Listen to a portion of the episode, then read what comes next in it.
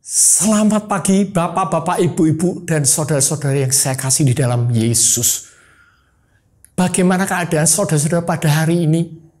Saya berharap bahwa saudara-saudara dengan penuh sukacita bisa berkumpul di dalam hikmat pagi hari ini. Dan saya berharap kita punya semangat untuk selalu hidup bersama Yesus di dalam menghadapi kehidupan yang penuh dengan tantangan ini saudara-saudara. Bagaimana sekarang kehidupan saudara-saudara sekalian? Apakah di dalam kehidupan yang sedih, susah, ataupun gembira? Saya berharap kita selalu di dalam kehidupan yang penuh dengan sukacita. Dan pada hari ini, sebelum saya membacakan firman Tuhan yang kita ambil dari kitab Roma 8 ayat 5 dan 6, yaitu hidup menurut roh.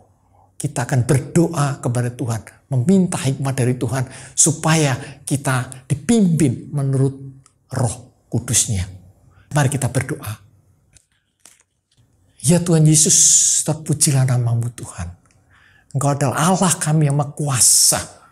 Ampuni segala dosa-dosa kami dan layakkan kami untuk membaca firman-Mu Tuhan. Dan berbicaralah pada hari ini. Kami mendengar serta kami dengan kuasa roh kudusmu untuk mengerti akan segala firman-Mu. Dalam nama Yesus kami serahkan semuanya ini. Amin. Baiklah saudara-saudara, saya akan membacakan di dalam kitab Roma 8 ayat 5 dan 6. Hidup menurut roh. Sebab mereka hidup menurut daging, memikirkan hal-hal yang dari daging. Mereka hidup menurut roh, memikirkan hal-hal yang dari roh. Karena keinginan daging adalah maut, tetapi keinginan roh adalah hidup dan damai sejahtera. Demikianlah firman Tuhan pada hari ini. Amin.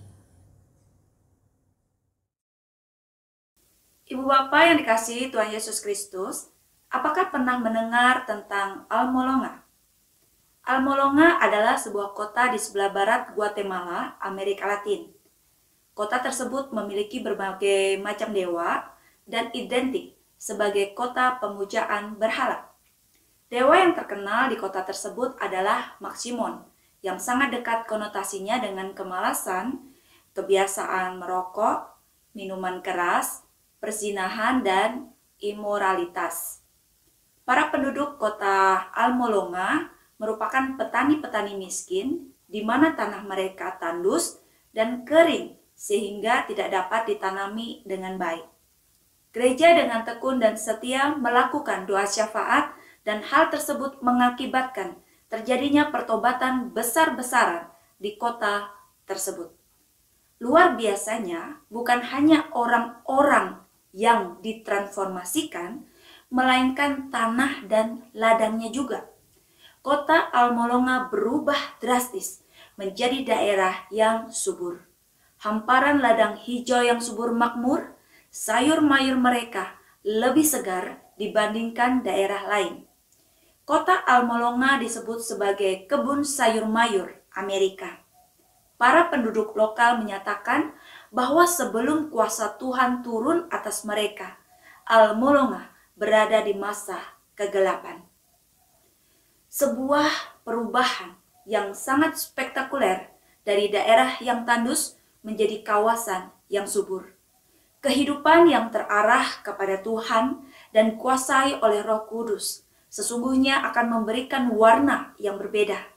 Rasul Paulus dengan sangat jelas memberikan pengajarannya kepada jemaat di kota Roma bahwa sangat berbeda antara orang-orang yang hidup menurut daging dengan orang-orang yang hidup menurut roh.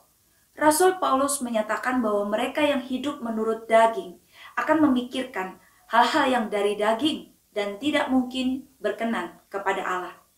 Sebaliknya, orang-orang yang hidup menurut roh akan memikirkan hal-hal yang dari roh dan hidup dalam damai sejahtera. Karya Roh Kudus dalam kehidupan orang-orang percaya sungguh ajaib, menghidupkan, dan sempurna. Roh Kudus selalu berkarya di tengah umat Tuhan agar setiap umat terpelihara dan mengalami kehidupan yang sejahtera murid-murid Kristus zaman sekarang wajib memeriksa diri. Apakah sudah hidup menurut Roh Kudus dan tinggal dalam tuntunannya, atau masih tinggal dalam kedagingannya. Menurut Roh Kudus, pasti meninggalkan kedagingan. Amin. Mari kita berdoa.